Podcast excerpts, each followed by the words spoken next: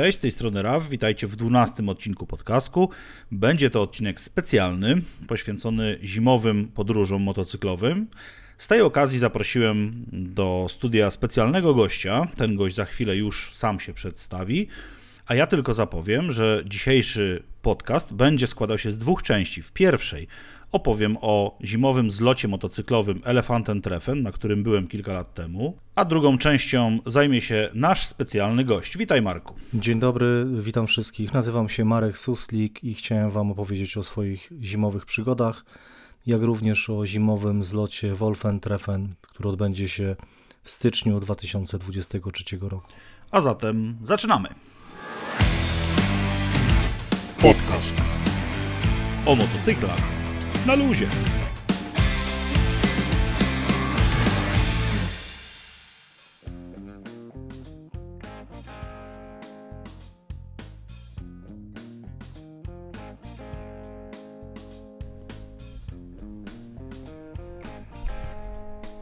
Co roku w Bawarii, w okolicach e, miejscowości Loch, Turmansbank i Sola, w pobliżu czeskiej granicy, odbywa się zlot motocyklowy zimowy Treffen.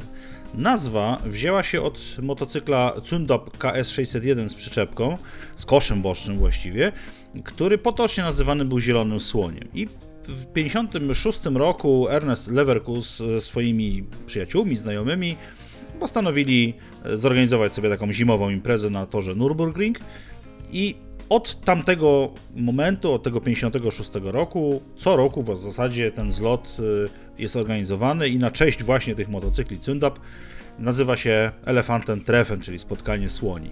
Z tym, że teraz oczywiście nie odbywa się już na Nürburgringu, ale właśnie w Bawarii, gdzie został przeniesiony ze względu na to, że tam najczęściej zimą właśnie jest śnieg i chodziło o to, żeby to wyzwanie wiązało się właśnie z pokonywaniem tych śnieżnych, zaśnieżonych dróg.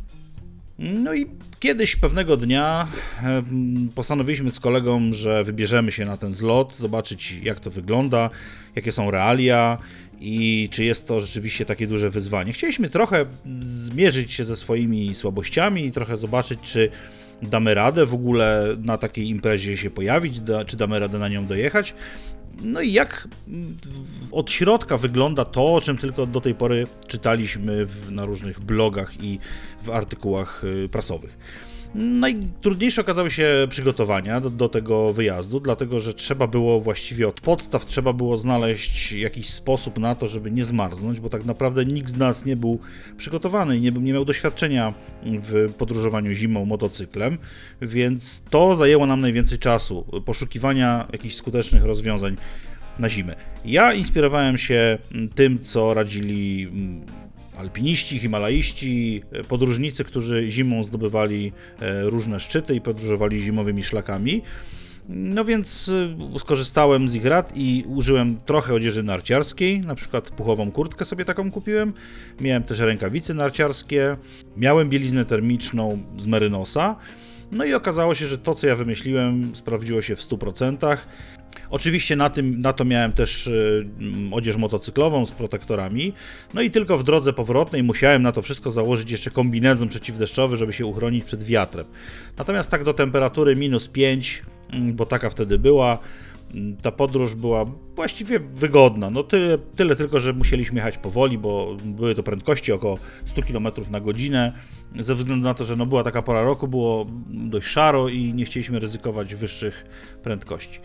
Tu mowa oczywiście o prędkościach autostradowych, bo oczywiście na drogach lokalnych jechaliśmy odpowiednio wolniej. Jeśli chodzi o sam zlot, to spodziewaliśmy się, że to miejsce będzie wymagało od nas bardzo dużo samodzielności. W związku z tym mieliśmy oczywiście namioty, mieliśmy materace, byliśmy bardzo dobrze przygotowani i rzeczywiście samowystarczalni i dobrze, dlatego że to siano, które często widać na e, takich obrazkach z tego zlotu Elefantem Treffen, dostępne jest bardzo krótko i jest bardzo drogie.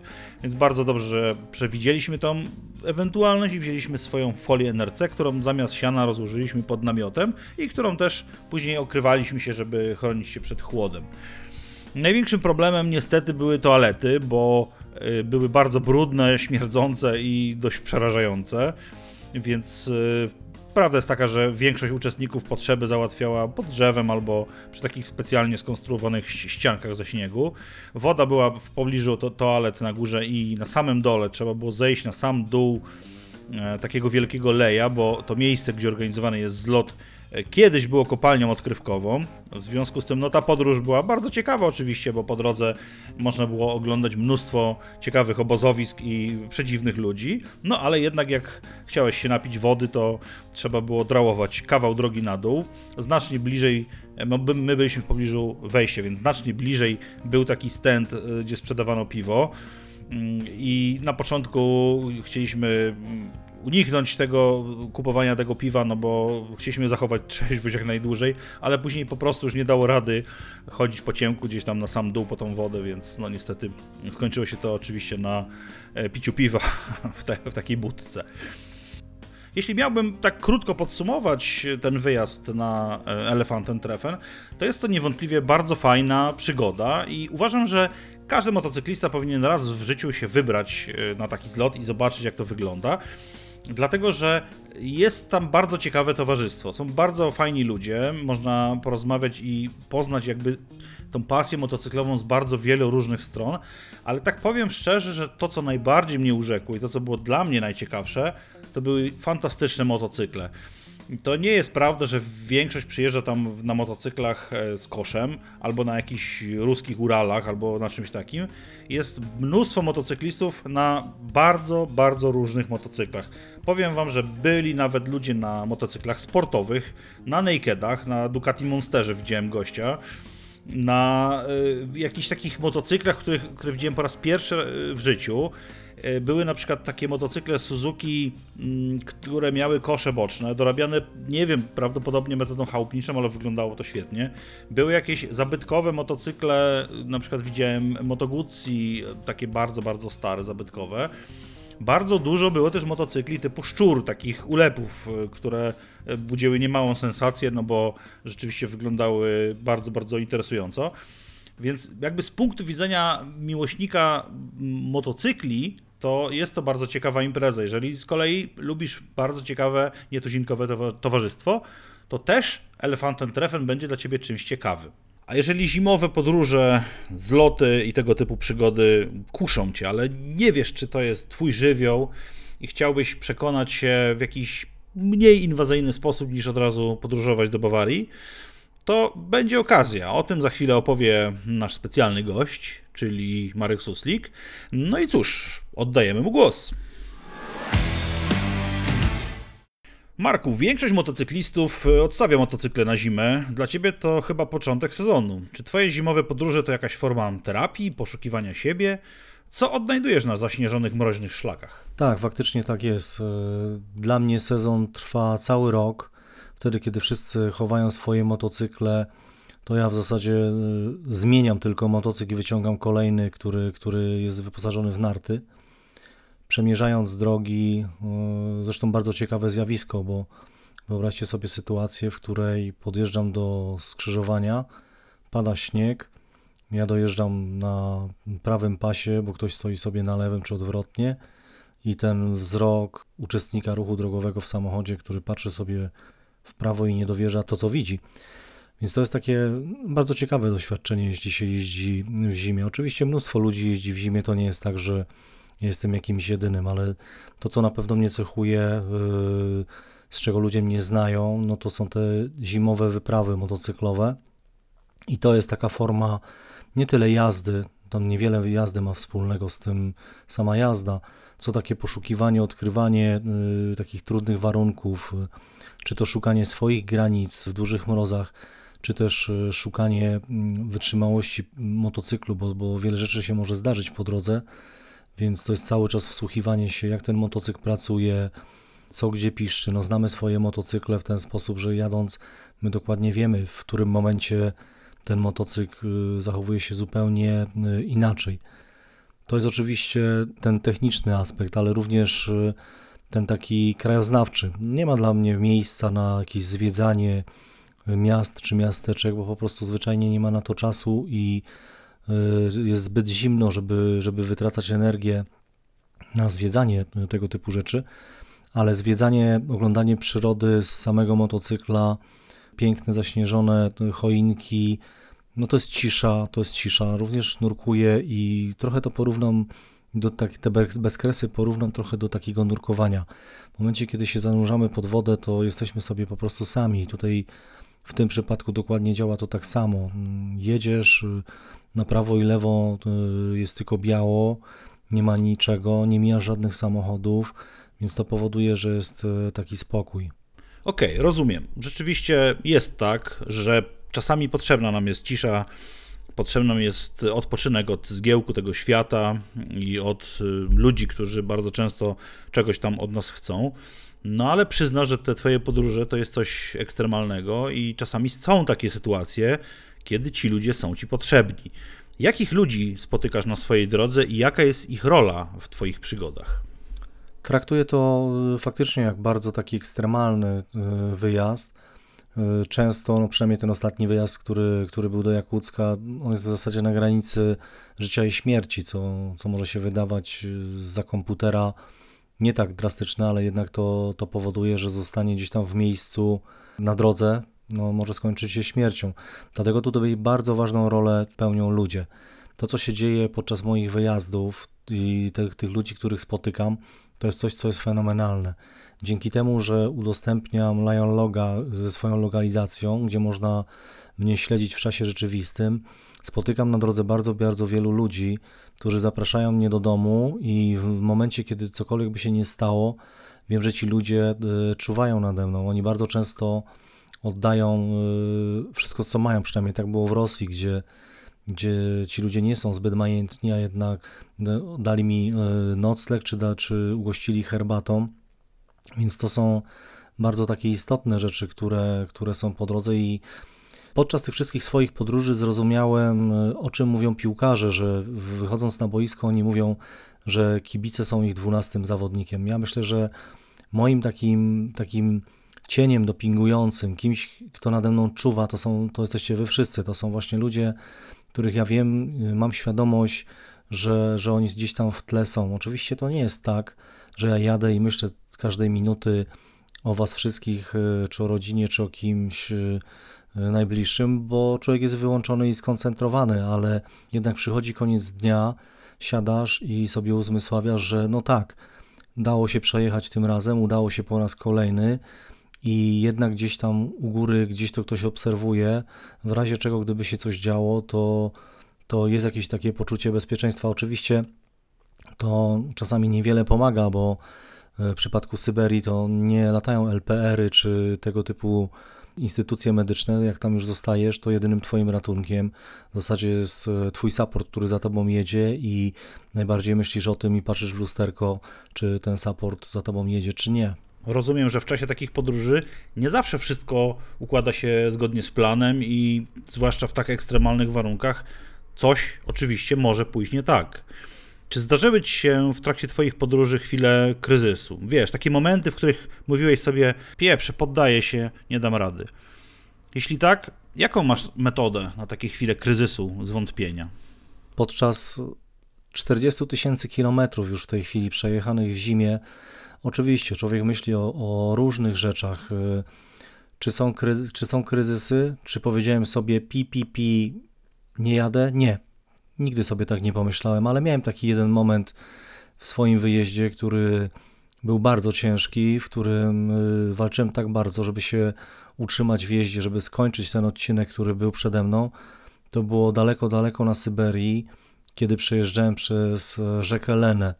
Wtedy temperatura, nie wiem, myślę, że przekroczyła ponad 60 stopni na minusie i wjeżdżając na tą rzekę poczułem bardzo, bardzo poczułem ten, ten, to zimno. Dodatkowym elementem, który nawet powiedziałbym, że trochę mnie zaskoczył, to było to, że Elza straciła w pewnym momencie przyczepność. Przejeżdżając przez rzekę, te kolce, które miałem wkręcone, okazały się za krótkie na te lodowe rzeki, na, na te zamarznięte rzeki i całkowicie nie trzymały się y, podłoża. Do tego dochodziły narty, które miałem, które mam zamontowane, więc tak naprawdę ten motocykl kompletnie się nie trzymał. Był taki moment nawet, że musiałem sprawdzić, co się stało i zatrzymałem się na tej rzece.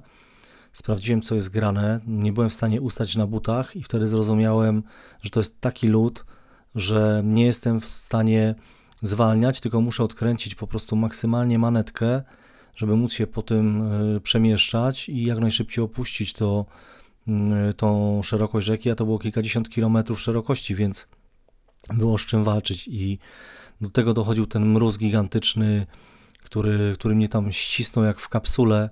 To myślę, że to był najsłabszy moment od tych 40 tysięcy kilometrów, który, który przejechałem. Stąd y, bardzo mocno mi utkwiła mm, nazwa, imię Lena i, i następny, motocykl, następny motocykl, który będzie to, to pewnie będzie się nazywał też Lena.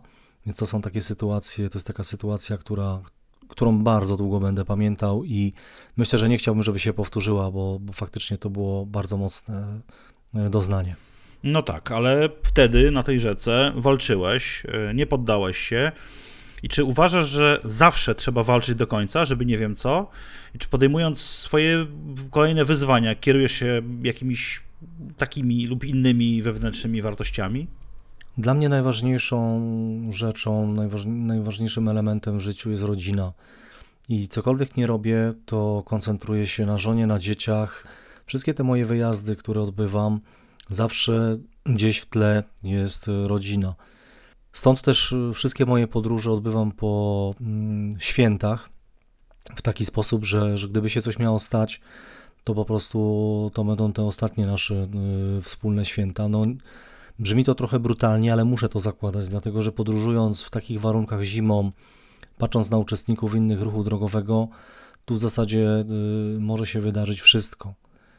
Nie zakładam czegoś takiego jak jazda do końca za wszelką cenę i przykładem tego był wyjazd do Imiakonu, bo tak naprawdę planowałem Oimiakon, najzimniejszą wieś na świecie, a dojechałem do Jakucka, do najzimniejszego miasta na świecie i w zasadzie zabrakło mi tysiąc kilometrów. Też mogłem sobie powiedzieć, zróbmy to, dojedźmy tam za wszelką cenę. Nie, to nie chodzi o to, żeby mieć poklask, żeby ktoś ci bił brawo. Robisz to dla siebie i w tym momencie tak się okoliczności poskładały, że stwierdziłem, dalej nie ma sensu. Samochód, który był supportem, Ara i Sasza, którzy nim jechali, po prostu nie byłby w stanie mnie w bezpieczny sposób przez to przeprowadzić. Do tego dochodził czynnik czasowy, więc podjęliśmy decyzję, że w zasadzie to była moja decyzja, że okej, okay, dalej nie jadę. Y, mam bardzo dużą satysfakcję z dotarcia do tego Jakucka i nie był mi potrzebny ten Oimiakon. Oczywiście jakaś, jakaś nutka takiego, mm, że chciałoby się tam dojechać, y, zawsze pozostaje, ale uważam, że nie wolno robić nic za wszelką cenę i to samo y, jest w przypadku, gdzie obserwuję Himalajstów, gdzie zdobywają ośmiotysięczniki. Oczywiście tutaj nie ma porównania, jeśli chodzi o, o te dwie dyscypliny, ale tam też bardzo często podejmuje się decyzję, że ze względu na warunki pogodowe jednak się y, nie wychodzi i pozostaje się na miejscu. Więc ja dokładnie robię w ten sam sposób. Jeśli coś mogłoby zagrażać bezpośrednio mojemu życiu, i wiem, że, że to będzie bardzo dużym ryzykiem, wtedy nie podejmuję mm, takiego wyzwania. Lepiej czasami przeczekać, coś pokombinować, poprawić, niż iść na żywioł i żeby to była ostatnia akcja. A czy podczas którejkolwiek z Twoich wypraw e, zdarzyło Ci się coś takiego, czego nie przewidziałeś i musiałeś e, rozwiązywać problem na miejscu, improwizować? Co ciekawe, podczas wszystkich tych moich wyjazdów nie było sytuacji, w której e, coś by mnie miało zaskoczyć. Starałem się wszystko przewidzieć e, przed wyjazdem.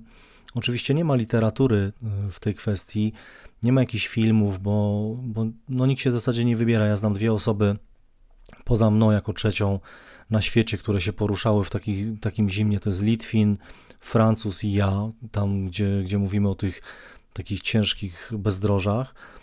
Y, więc nie ma gdzie o tym czytać, więc musiałem założyć różne warianty ze swoimi przyjaciółmi, ze swoją ekipą, która budowała motocykl, y, która mi pomagała przy tym wszystkim, co by się mogło wydarzyć i tak planowaliśmy to. Nie było. To, co, nawet, nawet sytuacja, w której y, wiedzieliśmy, że ten mróz spowoduje pękanie śrub, czy napinanie linek, to wszystko, to wszystko troszeczkę żeśmy wyprzedzili i te śruby były trochę luźniej dokręcane, linki były dłuższe, więc na samym miejscu czegoś takiego nie, nie doświadczyłem. Po prostu widocznie tak to zaplanowałem, że, że jestem tym szczęściarzem, że udało się to przejechać bez większych zaskoczeń. takim jedynym zaskoczeniem dla mnie to jest ten ekstremalny mróz, bo to jest coś, co jest nieprzewidywalne. Jadąc drogą przy minus 40 możemy wjechać w taki język y, zimna podczas drogi, gdzie może być minus 50 i te temperatury naprawdę są wyczuwalne. No ja mam wrażenie, że, że wyczuwam każdy stopień różnicy y, jadąc motocyklem, czy to jest minus 45, czy minus 44, jest to odczuwalne, więc, więc ten mróz potrafi zaskakiwać.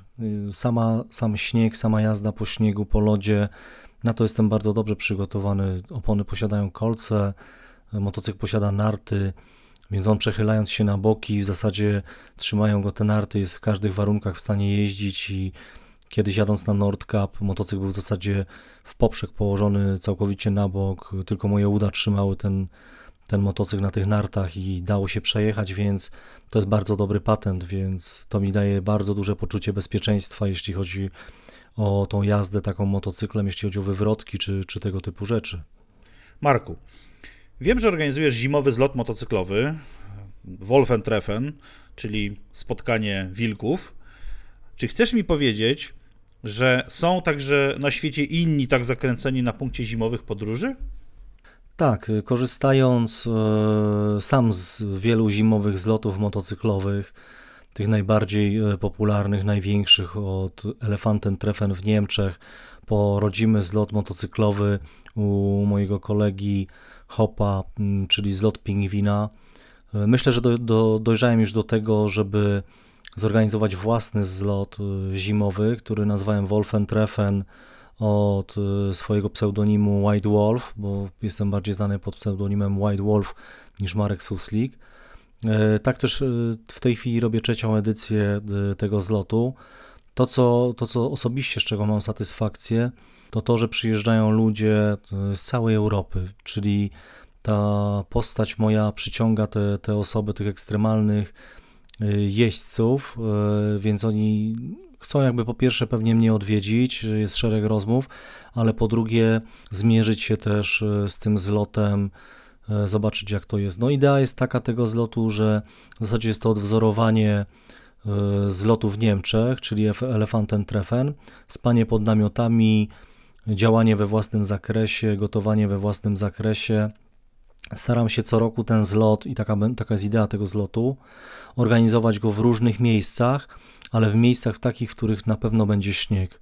To, co chciałbym, żeby charakteryzowało ten zlot od innych zlotów, to mianowicie to, że za każdym razem będzie trzeba pokonać jakiś odcinek pod górę, czyli powalczyć trochę na samym końcu, żeby móc się dostać i ten namiot y, rozbić. Więc, więc to jest taki duży punkt na y, mojej życiowej mapie, y, organizacja tego zlotu Wolfen Treffen dopóki ludzie będą chcieli przyjeżdżać, dopóty będzie on organizowany. Także y, nie brakuje na świecie, w Europie i w Polsce y, zwariowanych osób, które chcą się z tym wszystkim mierzyć, bo dojazd to jest jedno, ale spanie pod namiotem i organizowanie tych, sobie tych wszystkich rzeczy w sposób naprawdę ekstremalny to jest drugie i to cieszy. Oglądając takie, takie osoby walczące z tym wszystkim, sam zresztą y, lubię w ten sposób spędzać jakąś chwilę czasu w zimie, to bardzo cieszy.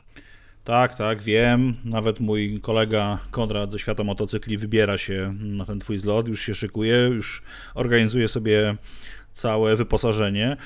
Marku, jeszcze ostatnie pytanie. Ruszyłeś na Oimiakon, jedno z najbardziej ekstremalnych, najzimniejszych miejsc na Ziemi. Czy jeśli chodzi o Twoje plany, to w ogóle może być gorzej? No tak, Oimiakon, najzimniejsze, najzimniejsze miejsce na Ziemi. Jakuck, najzimniejsze y, miasto na Ziemi. Faktycznie jest tak, że można by pomyśleć, że już nigdzie dalej się nie da. Nic bardziej mylnego. Powiem Wam, że czasami jadąc przy temperaturze minus 5 stopni dużej wilgotności, dostaniemy bardziej w kość niż gdzieś tam na tych odległych y, miejscach y, na świecie. Ja oczywiście nie byłbym sobą, gdybym czegoś nie planował i tak naprawdę wracając już z Jakucka, miałem swój kolejny plan w głowie, który mam nadzieję, że się zrealizuje. To jest przejazd przez Alaskę, czyli chciałbym dokończyć tą drogę, która nie pozwala morze na granicy rosyjsko-amerykańskiej i chciałbym y, przejechać całą Alaskę. To jest około 8000 km wzdłuż Stanów, wzdłuż pasa alaskańskiego. Być może spróbuję wjechać tam od strony Kanady, przekraczając granicę mm, z Kanadą. Spróbuję przejechać całą tą Alaskę. Już w zasadzie wszystko jest y, gotowe, y, tylko sytuacja, która dzisiaj się odbywa, taka dookoła tego wszystkiego y, w tym roku mnie powstrzymała, jeśli chodzi o ten styczeń 23, ale jestem przekonany, że w kolejnym sezonie zimowym, czyli 23-24, y, będzie to już możliwe do zrealizowania. Marku, bardzo Ci dziękuję za wizytę w naszym podcastku. Dziękuję Ci za rozmowę, za podzielenie się z nami swoimi mm, prze- przeżyciami, przemyśleniami, doświadczeniami. No i cóż, chciałbym na koniec e, wszystkich naszych słuchaczy e, zachęcić do udziału w zimowym zlocie organizowanym przez Marka, czyli Wolfentreffen i do zmierzenia się zarówno z własnymi słabościami, jak też i z przeciwnościami losu. Dziękuję za zaproszenie. Chciałem wszystkich y, bardzo serdecznie pozdrowić. Y, Mam nadzieję, że temat jest interesujący. Więcej szczegółów możecie znaleźć na suslik.pl. Twardzieli oczywiście zapraszam na zimowy zlot motocyklowy Wolfentreffen, a my do zobaczenia gdzieś na drodze, oczywiście w zimie. Pozdrawiam serdecznie. Marek Suslik. No cóż, ponieważ to ostatni odci- odcinek podcastku w tym roku i ostatni przed świętami, no to w imieniu całej ekipy naszego podcastu i w imieniu całej redakcji motogen.pl chciałem Wam życzyć wielu kilometrów pięknych tras i przede wszystkim dobrego towarzystwa, bo jeżeli jest fajna ekipa, to można zdobywać dosłownie wszystko, nawet ojmiakon. Wszystkiego dobrego i wesołych świąt.